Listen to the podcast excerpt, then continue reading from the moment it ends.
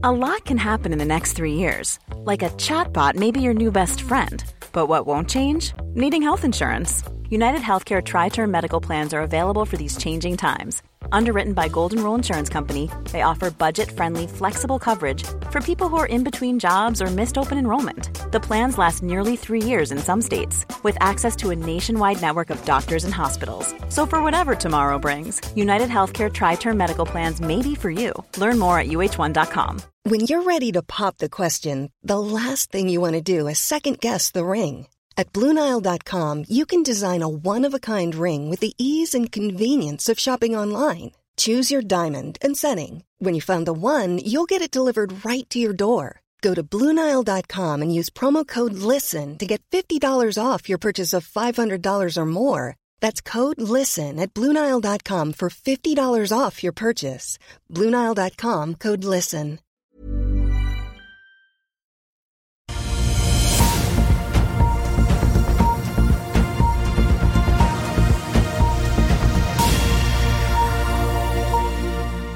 En eh, riktig god morgen alle sammen, og velkommen til Børsmorgen hos oss i Finansavisen på denne torsdag 21.9. på dag to av Paretos energikonferanse her på Scandic Holmenkollen Park Hotel i Oslo. Oppe i Holmenkollen, midt i tåka, får eh, vi si. På dagens eh, agenda så skal vi selvfølgelig innom at den amerikanske sentralbanken holdt igjen med nye renteøkninger i går. La seg inn med en uendret beslutning, men kom også med noen interessante oppdateringer rundt sine prognoser.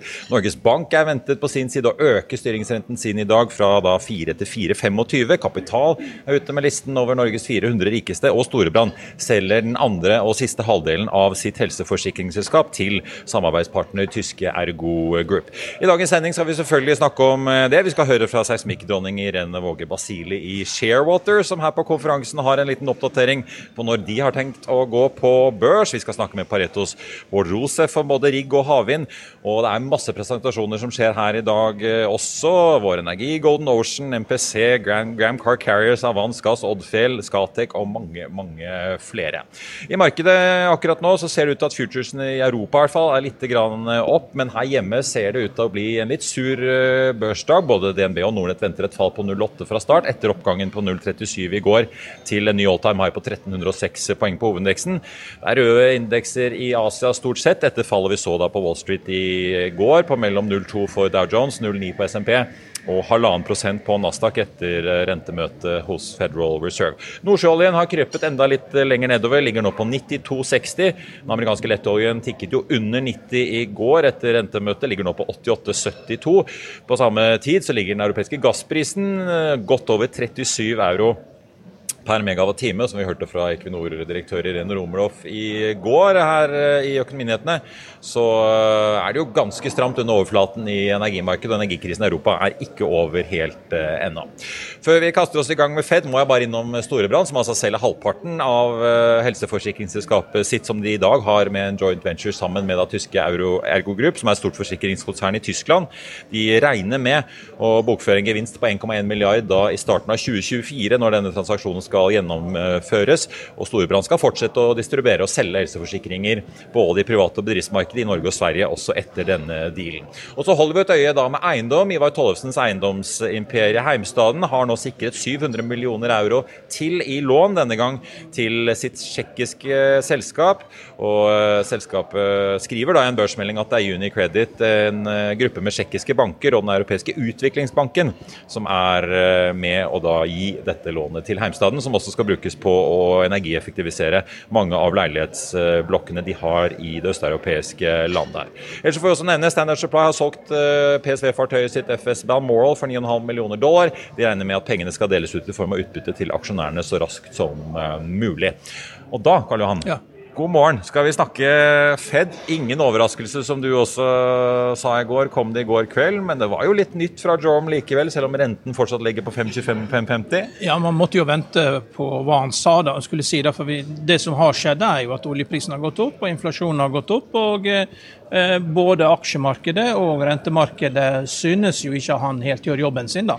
Og de har jo reagert. Han sier at det å få ned inflasjonen er det viktigste prioritet, men eh, han gjør ikke så mye med det. da. Og, og, eh, det kommer nok en renteøkning til, men det er ikke nok. Og, Tiårsrenten gikk opp til 4,4 og, og toårsrenten gikk opp med, denne uka har gått opp med 0,15% til 5,18 Så eh, rentemarkedet begynner å ta mer og mer over prisingen, da, fordi eh, Politikerne er jo ikke så hjelpsomme, de heller. De bruker jo penger som om USA skulle vært i en krig, og, og det skal jo finansieres. Så, så, så, det blir jo markedet her som kommer til å ta ned dette her til slutt. Men samtidig da så er volatiliteten veldig lav, og det spørsmålet vi stilte Philip Sissener eh, om hvorfor high yield-spredden er så lav, det hadde ikke Philip Sissener noe svar på.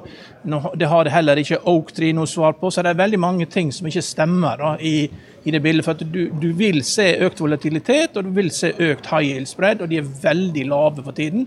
Så det mangler ikke på likviditet. og Da blir det vanskelig å skape en situasjon som skaper en nedgangskonjunktur. For det er, det er det som løser alt for alle. Det er en rask nedgangskonjunktur som gjør at alle får panikk. At det noe knuser i restauranten. så alle stopper River av plasteret og blir Ja, at det knuser. Men, Satt ting litt tilbake. Helst så lite som mulig, men knuselyden, da, da stopper alle opp og tar seg en liten pause og lurer på hva i all verden jeg holder på med. Og det er nok til å skape en nedgangskonjunktur. Men helst ikke at hele, hele veggereolen ramler ned. altså Da stopper alt opp. Det Nei, skal vi ikke ha. Det er uh, lurt. Jeg tenkte bare Jeg merket meg Knut Magnussen det med Marcus skrev i går kveld at uh, de i hvert fall tolker dette som at nå har man nådd toppen. For det er jo en delt rentekomité.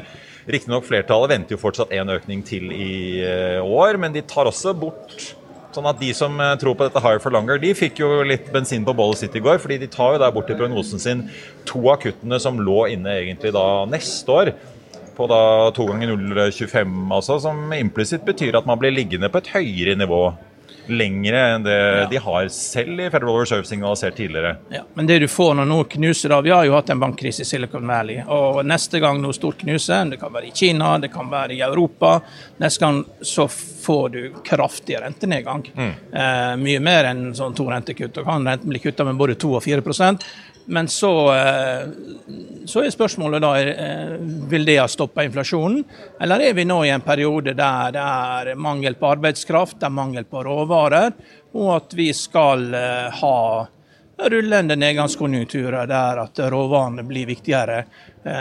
Så det er mange åpne spørsmål, men Federal Reserve har helt klart ikke svarene. og og eh, pressekonferansen har virka ganske forvirra. Jeg syns ikke det spørsmålene som var der, var heller akkurat uh, to the point da, på, pressekonferansen. Det var jo én som spurte om oljeprisen og effekten ja. av det. Han, eh, det tok lang tid. Ja, det var langt ut i rekken der, men uh, han ga et sånn generelt svar. Ja, vi ser jo, hvis, det er, hvis det er kortsiktig, så ser vi jo litt uh, forbi det. men han sa jo også, godeste Jerome, at hvis det, klarte, hvis det vedvarer, så vil man jo få en effekt av dette her, da.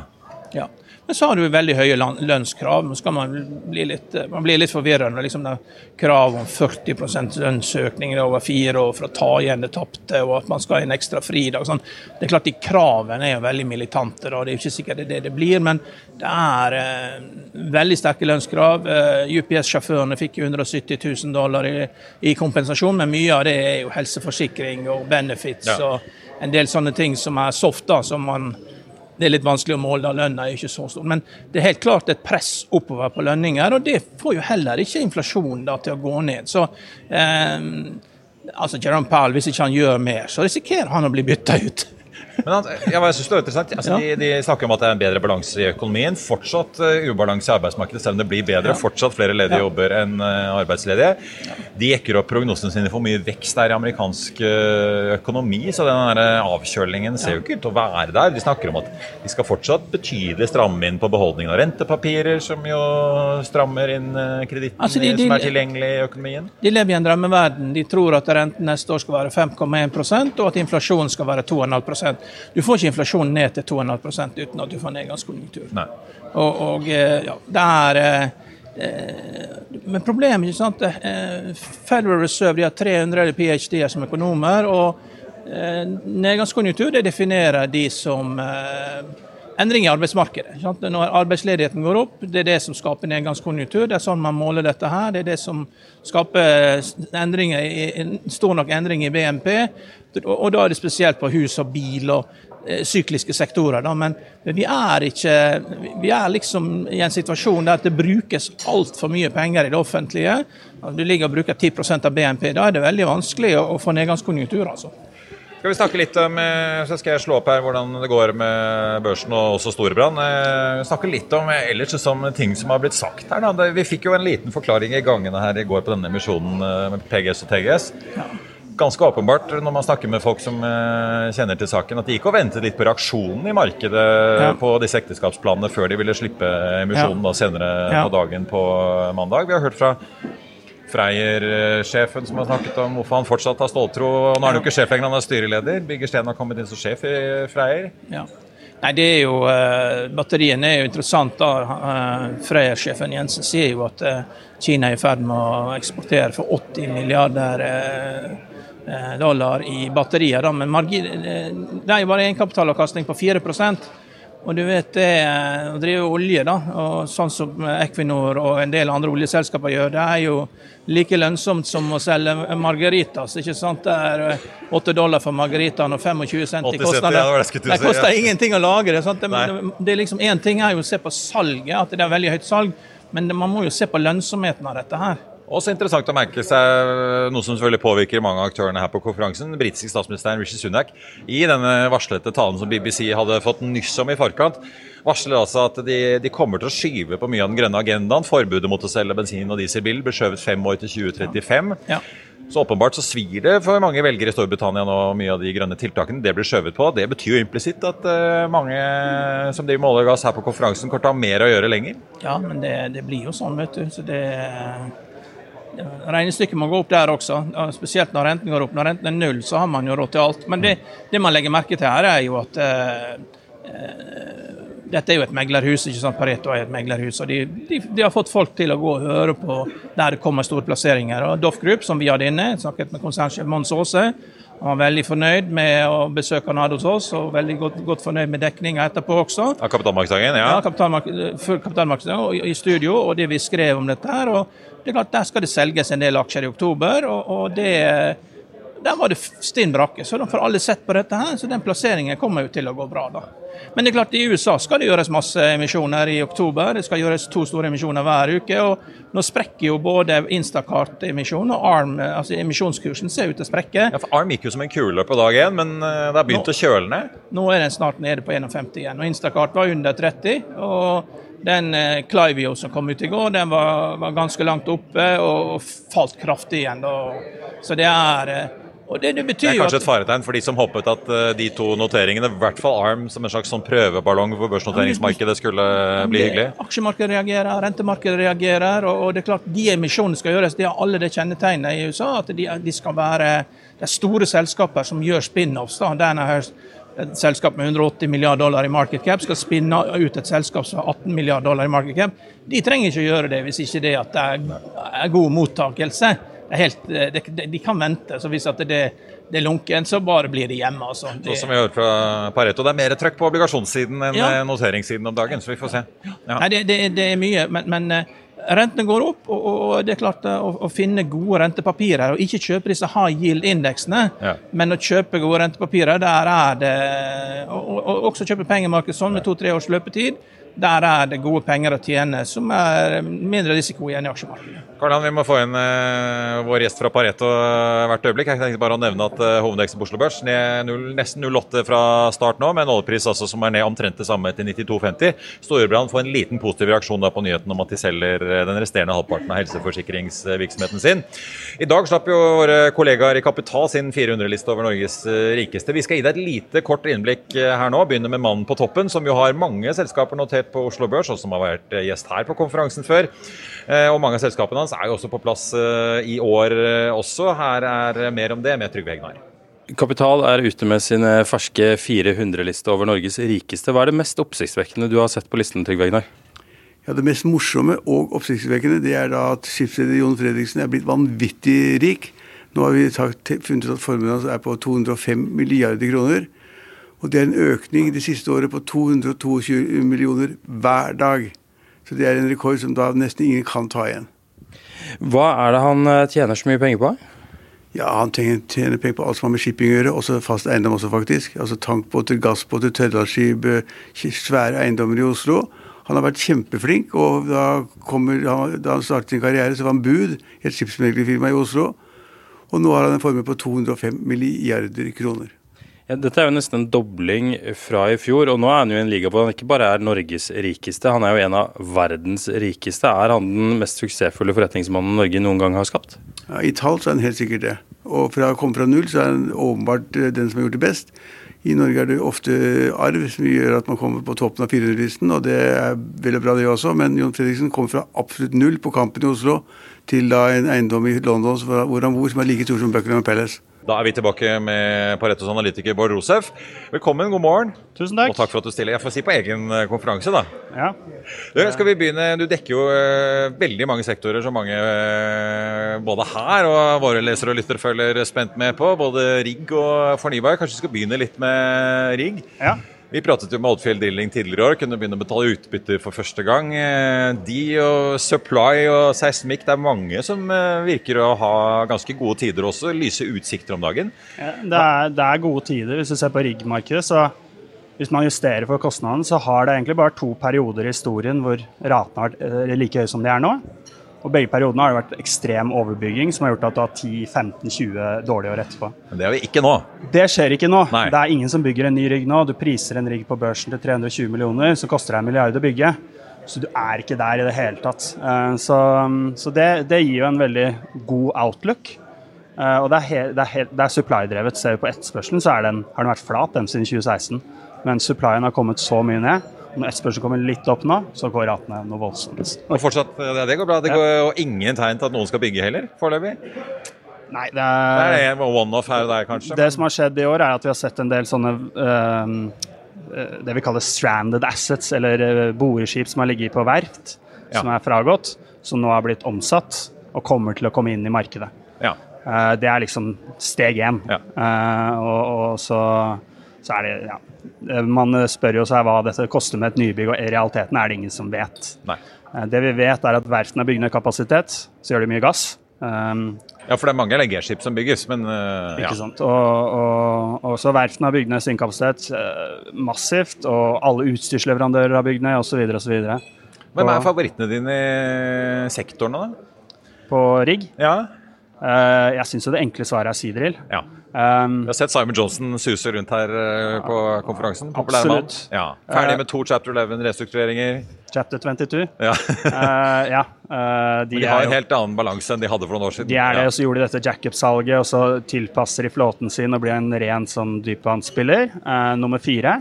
Um, estimatene er nok litt høye neste år, det er liksom det vi snakker om. men Uh, får, det er priset inn i den rabatten er mot f.eks. Noble. Da. Så det er fortsatt interessant å kjøpe sider i dag? Absolutt. Du ja. priser en ultradypvannsrigg på rundt 300 millioner, uh, på justert for alle dårlige kontrakter jeg har og reaktivering og sånne ting. Det er billig. Du tjener 100 millioner nesten på, på en, på en like for like-basis. Er noen av de som, Selv om utsiktene for sektoren er bra, er det noen av disse aksjene som er høyt priset, som man liksom i hvert fall tenker seg om før man går inn i TransOcean har jo vært den som på en måte, De har jo ikke vært igjennom disse chapter 11. altså De andre er jo veldig happy med de flotte balansene sine, ja. men eh, de har jo blitt laget i retten. Ja. Uh, så, så, det er jo priset på et annet nivå. Um, men nå er jo de Det så veldig Det var en lang periode der vi trodde at det her kom ikke til å gå, men men nå tror vi det går. Kanskje ennå. Ja. og da har du jo giring på oppsiden. Eh, samme er jo med, med Bård Drilling også, eh, som er en aksje som fungerer godt. Hvis, nå må du korrigere meg hvis jeg husker feil. Det var vel Noble og Valaris som slo seg sammen, var det det? Uh, Noble og Mersk. Noble Mersk. Uh, Valaris det er Ensco Rowan. Ja. Altså alle dette her er jo Det er bra vi har eksperten. Ja. Det jeg i hvert fall skulle spørre om uh, nettopp da med Noble, var jo at tror du vi kan komme til å se mer konsolidering? Vi har jo hatt ja. konsolideringsnyheter i seismikk denne uken, men hvordan ser det bildet ut nå på rigg? Kan investorer i denne sektoren regne med at flere her vil finne sammen? konsolidering er jo aller viktigst når markedet er kjempetøft, som Kristian Siem sa i går.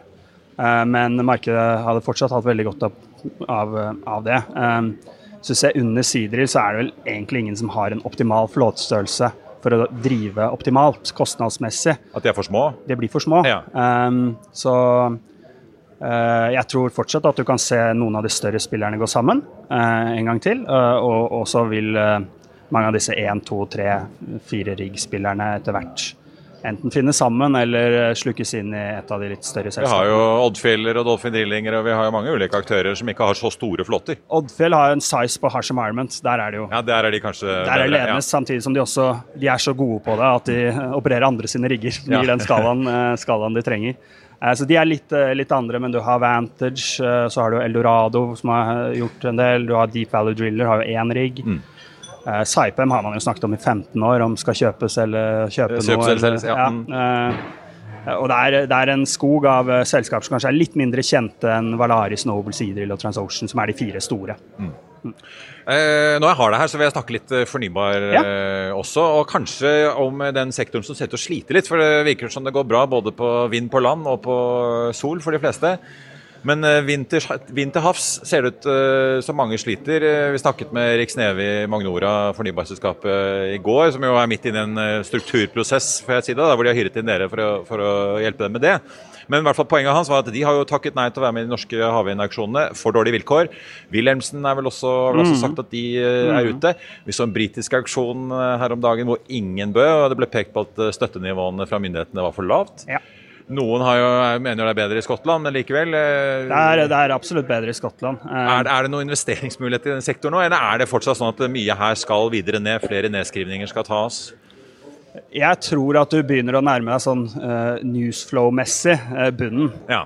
Uh, for vi har hatt, liksom, vi har hatt Ørsted, som vi har snakket om på denne sendingen. Ørsted, om. Vi har hatt Vestas og Siemens Energy. Ja, snakket om Ørsted i fjor. ikke sant? Ja. Disse impairmentsene i USA, det er egentlig noe som har gått over et år nå. Uh, det fortsetter jo, det viser hvor rentesensitivt det er. Nå tok de 580 dollar impairment på prosjekter de ikke har bygget engang. Ja. Fordi ja, renta har kommet opp 50 bibs de 20 dagene. Jeg regner i hvert fall frem til at to av tre investerte kroner potensielt er nedskrevet uh, der borte i USA. Ja, og så har de, de har jo veldig høye bokverdier, da. Ja. De har investert veldig mye for veldig lite hittil i USA. Som gjør at de, de, har fortsatt høye bokverdier, selv etter nedskrivning på de prosjektene der. Eh, så, men USA, ikke sant? du har ikke hatt inflasjonsjustering på kontraktene.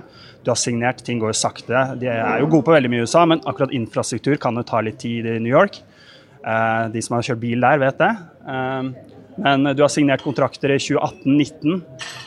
De har hatt en inflasjonsjustering som er en fast prosent i året. Ja. Og da, på det tidspunktet, ikke sant, det var tøff konkurranse om å vinne kontraktene, da, da så man merverdi. ja. At dette var 2,5% og så går inflasjonen det den gjør. Og så går renta det den gjør. Du hadde nullrente, du har 5 pluss. Eh, rente, Offshorevind er veldig rentesensitivt.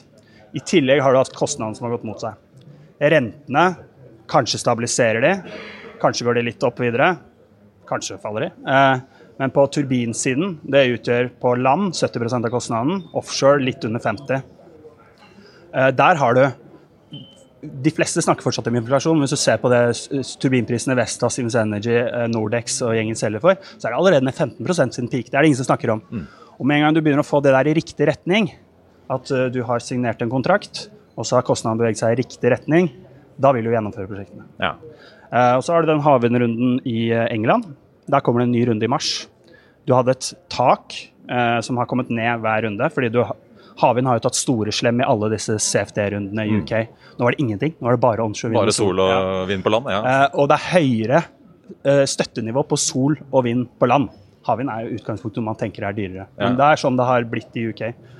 Um, så kommer det en ny aksjon i mars, og da kommer støttenivået til å komme opp. Så hvis jeg hadde et prosjekt, gitt at jeg har årlige aksjoner i UK nå, så hadde jeg venta. Ja. Uh, så det er litt logikk bak det. Så synes jeg også er veldig interessant, da, for Hvis du ser på det støttenivået, så er det taket er 44 pund per megawattime i 2012-termer. Det er ca. 70 euro per megawattime i dag. Det er 80 øre per megawattime i dag. Disse prosjektene er billigere å bygge ut enn Sørlig Nordsjø. Du får mm. inflasjonsjustering. Du har bedre andre terms på denne CFD-en enn du har i Norge, hvor vi har et tak på 90 øre. Det sier meg Jeg har tidligere allerede regnet at det ser veldig vanskelig ut, men, eh, men det er klart 90 øre er et for lavt tak ja. i Norge. Spesielt med Så da, da er det kanskje bare ikke ja, Magnora og Wilhelmsen som takker nei i Norge, da. De kan si at det her skal det ta flere. Antageligvis. Eh, jeg tror jo at et selskap som Equinor har mye interesse av å være ledende på havvind på norsk sokkel, gitt det selskapet det er. Eh, så jeg tror kapitalkosten kommer til å bli pusha ned så langt den kan. Ja. Men, men de har lagt Trollvind, altså sitt eget prosjekt, i skuffen? Og, og den dagen de vinner en auksjon, er jeg ikke sikker på at aksjekursen går opp. Nei. Men eh, apropos eh, det, da, hvis vi bare skal ta helt til slutt eh, noen eh, Hvis du tenker at bunnen kanskje begynner å nærme seg, i hvert fall nyhetsmessig, da, at man begynner ja. å ha tatt inn over seg det verste støyten. Hvor er det liksom gode investeringsmuligheter hvis man titter på havvind nå, da? Vi har jo alt fra som vi er inne på Ørsted som bygger ut, Equinor som bygger ut. Vi har uh, turbinleverandører som Vestas. Vi har uh, aktører da innenfor det maritime på Oslo Børs også, Integrated Wind Solutions, mm, Edda Vind. Mm. Hvor i, hvor i, kjeden her er det du tenker at man har litt interessante inngangspunkter nå? Hvis du tenker på aksjer som er veldig mm, sentimentdrevet, så er det jo Vestas. Den tok vi ned, vi har den på hold, mm. eh, men kursholdet vårt er nå godt over kursen. Var nedom her i fjor også. Eh, hvis man antar, da all, all, Alle multipler her er jo helt uinteressante med de marginene de har i dag. Eh, men det er mye som tyder på at de kommer til å få normalisert marginene sine. og Da, da snakker du 12-13 ganger EBIT på et selskap av Vestas klasse. Så, så jeg tror den begynner å komme på interessante nivåer. Den er veldig newsflow sensitive, og nå kommer de til å få mye ny in kontrakt-inflow fra USA. Vi har ikke klart å få den opp på kjøp ennå. Uh, ellers så er det jo uh, Bonheur. Uh, litt kjedelig selskap, syns de fleste, men der har du sånn vi mener det, substanser de for litt over 380 kroner. Det er Fred Olsen-systemet hvor de har Fred Olsen Energy og. Og de har også et havvindprosjekt utenfor Irland.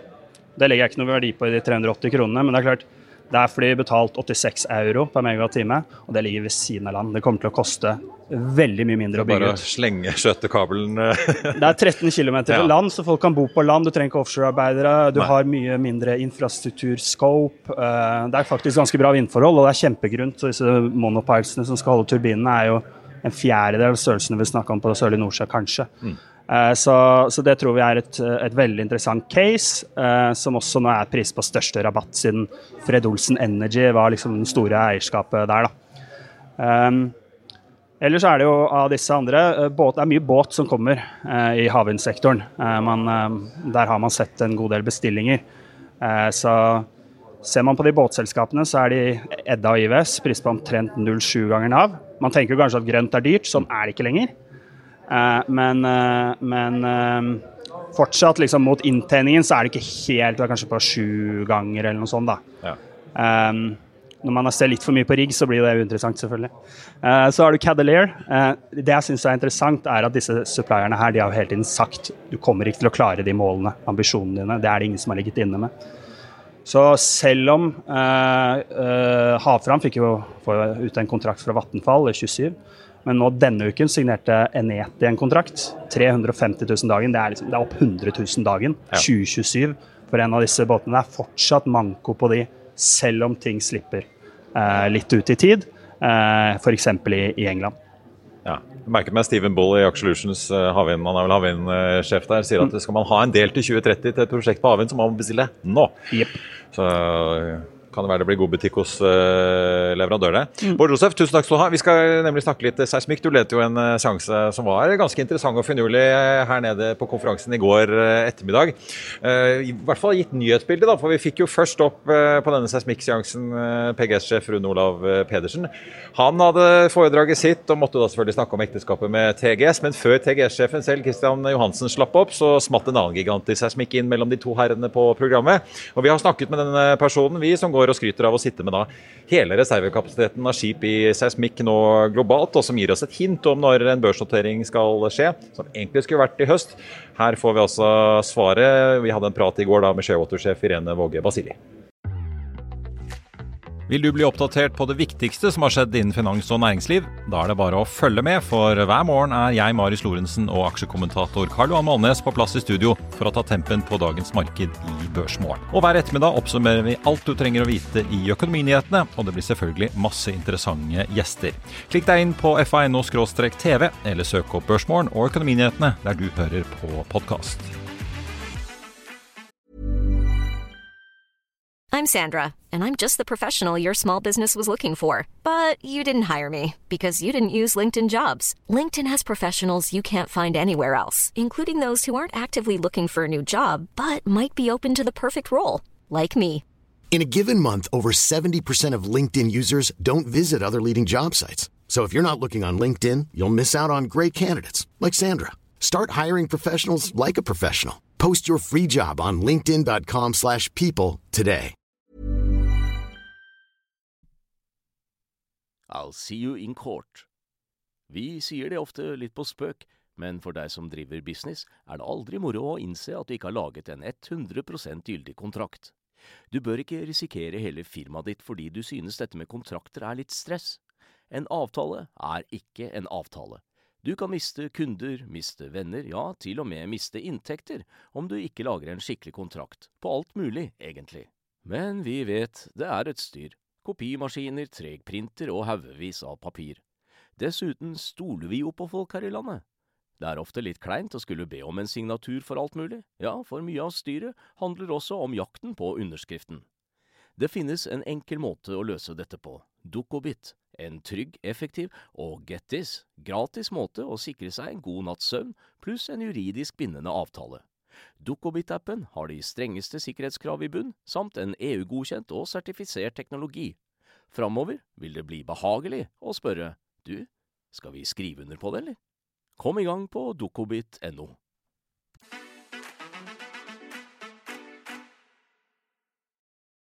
Da skal vi snakke seismikk. Vi har jo snakket seismikk tidligere denne uken med TGS-sjef Kristian Johansen, som jo annonserte ekteskapsplanene med PGS, og deretter kom med en emisjon i begge selskapene. Nå på Pareto-konferansen har vi fått med oss Irene Våge Basili, sjefen i det andre store seismikkselskapet som også eier skip i denne bransjen. Det er jo ikke så mange igjen eh, av dere. Nei. Det er riktig. Det er jo et hett energimarked, nesten 95 dollar fatet. Vi har hørt litt hva TGS har sagt om markedet. Hvordan opplever dere selv at seismikkmarkedet er om dagen? Nei, Vi eh, ser eh, Og du skal du si, bare for å si transaksjonen som nå er annonsert mellom TGS og PGS, det er vel egentlig et veldig tydelig eh, si, bevis på at store, tunge aktører i denne markedet ser at det er en oppadgående trend innenfor fremtidig exploration. Eh, og Det underbygger jo hva vi har ment i lengre tid, eh, og hvorfor vi også har gjort den eh, vekstambisjonen og den egentlig ganske kraftige veksten vi har hatt siden 2016.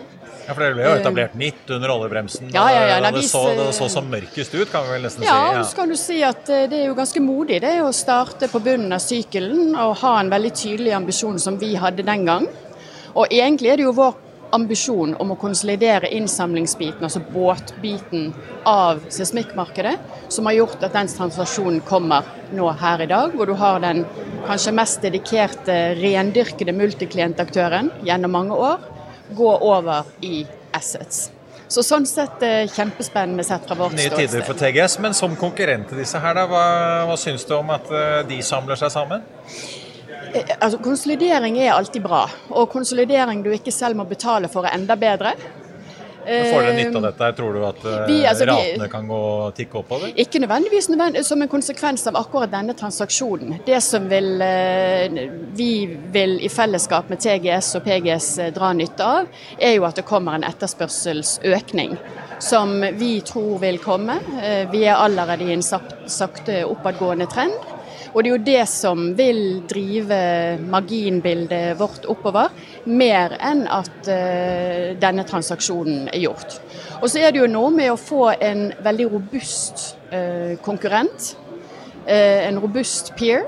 og for oss som har tanker om en børsnotering inn i neste år, så er vi jo avhengig av at segmentet for øvrig ses på som positivt, og at man ser at det er måte, friskmeldte, solide selskaper som også evner å dra bransjen videre, vi konkurrerer med. Og vi er i godt selskap med.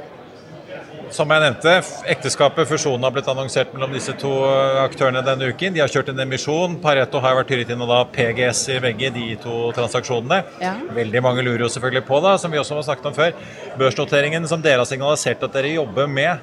Hvordan ligger den an nå, når dere ser at det både er mulig å få til både en fusjon og det å faktisk hente penger også i kapitalmarkedet ja, ja. for et seismikkselskap ja. om dagen? Ja. Så Alt dette er positive signaler og i forhold til vår tidslinje. Det viktigste for vår tidslinje er jo selvfølgelig når markedet faktisk tar av. Og når vi ser at etterspørselen, spesielt fra de internasjonale oljeselskapene og majors, kommer.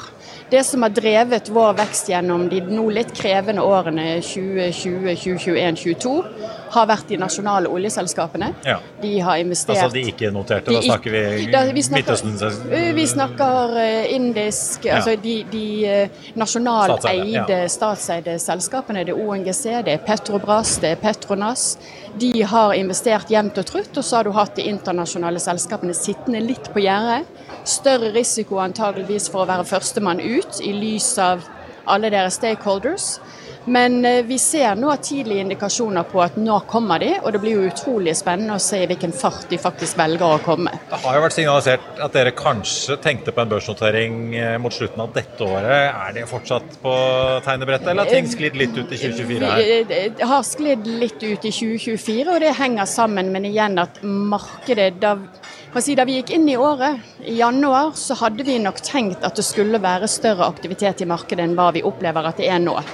Det, vi er på oppadgående, vi er på en positiv trend også hva gjelder marginbildet. Men det har ikke skjedd fullt i det tempoet vi hadde forventet. Så vi vil nok ønske å ha et par eh, kvartaler bak oss, også gi oss nok tid til å gjøre den finansielle restruktureringen som er nødvendig, og som du helt riktig påpeker. Det viser jo den transaksjonen som nettopp har skjedd at markedet er åpent for. Og så blir det vel ut på våren som er et realistisk eh, tidspunkt for Da oss. skal vi følge veldig Markets prevailing og eieres eh, ønske. Til slutt, da kan du ikke si litt om, om eh, En ting er jo selvfølgelig da markedet er klart for en notering, men hva som må skje på kammerset rent finansielt hos dere. Dere, påtok, dere kjøpte jo båtene til franske CGG. Ja. Dere har jo hatt en del gjeld. Kan du si litt om hva som må falle på plass eh, finansieringsmessig for dere? Må dere få redusert gjelden, reforhandlet gjelden, eller hva er det som eh, nå må klaffe de neste månedene? Delvis litt av alt. Det blir å jeg vil si, forenkle gjeldsstrukturen vår. Eh, Få ned eh, noe av gjelden. Nå betjener jo vi løpende betydelig eh, gjeld hvert år. Altså både Eh, renter og avdrag? Ja. Eh, Både renter og avdrag, ja. Eh, Men hvor vi også er det jo egentlig litt sånn diskusjon hvor er et, hva er et optimalt gjeldsnivå for et selskap av vår størrelse i en bransje med vår syklikalitet. Så, så sånn sett er det dette er diskusjoner som pågår nå med våre rådgivere, og vi har ikke landet på nødvendigvis hva det er som vil måtte skje, men en kombinasjon av all of the above, som du spurte om innledningsvis. Og Hvordan opplever dere da interessen for å sette penger i dette, gitt at du da kanskje må hente kapital? Nå er jo Rasmussen-familien en av de store aksjonærene Ja, i Sharewater. Rasmussen-familien er jo oppunder 80% og så Ja. har vi SLB som ligger vel rundt om 13-14 Det som var kjent som Schlumberger i sin tid, ja. I sin tid, ja. Som vi som oftest eh, feilaktig kaller dem. Og så har vi Riba som er inne på eh, rundt om eh, 7 Eh, Det som skiller Nå så vi jo TGS og PGS, de klarte jo å hente penger, Ja, ja, ja, eh, og det men- var ikke veldig stor rabatt. Nei, så vi ser ikke på det som det, Vi tenker at eh, det- Og det er jo det bakenforliggende i markedet som tilsier at man skal investere i Sharewater. Og det som er veldig veldig viktig, og som jeg vil snakke om i presentasjonen vår eh, senere i dag. Vi har en fantastisk operasjonell giring i vår plattform. Som gjør at vi kan generere altså vårt, vårt cash-genereringspotensial når markedet tar seg opp. Fordi det er vi som kontrollerer den svingkapasiteten som kan møte en økning i etterspørselen. Det er jo det som er på en måte eh, investeringsrasjonalet i Sharewater, og hvor vi skiller oss fra alle våre pairs. Så blir det spørsmål om giringseffekten på det, om man legger seg nærmere gamle PGS eller gamle TGS. Ja, I gjeldsnivå, tenker jeg på. Ja, Ja, hvor, ja, men nå tenker jeg mer det, det, det. Ja. det som er måte vårt eh, unikt for vårt selskap, det er at vi har et fantastisk eh, cash-genereringspotensial uten å måtte gjøre betydelige investeringer. Mm. Vi har ti, der er resterende ti båter globalt i markedet som kan komme ut. Som er i opplag.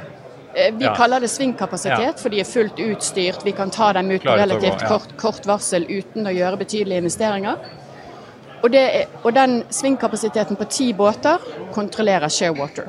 Så når markedet kommer, så er det vi som vil få uttelling av det, uten å måtte gjøre betydelige investeringer. Og det er jo det som vil være det store, kan du tenke, liksom, the value proposition for våre investorer når vi skal børsnotere.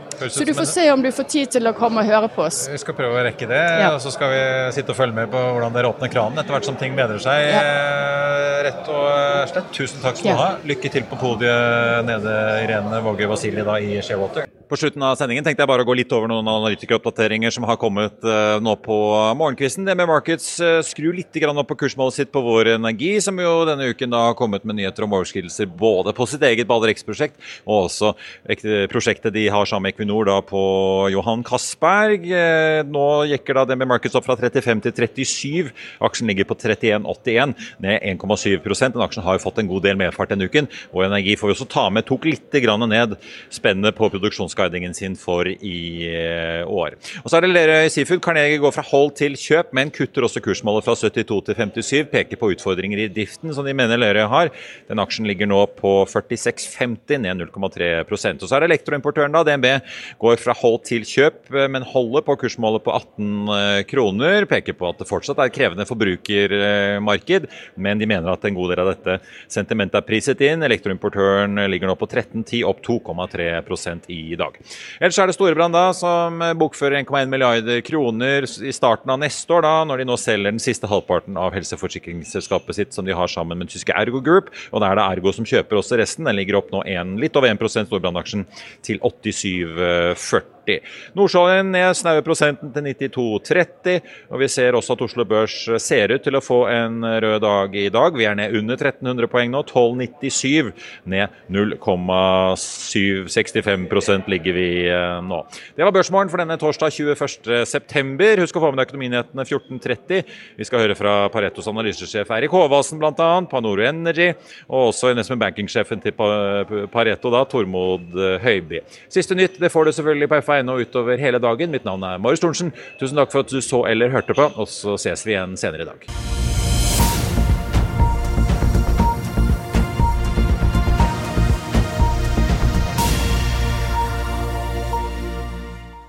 Økonominyhetene er en podkast fra Finansavisen. Programledere er Marius Lorentzen, Stein Ove Haugen og Benedikte Storm Bamvik. Produsenter er Lars Brenden Skram og Bashar Johar.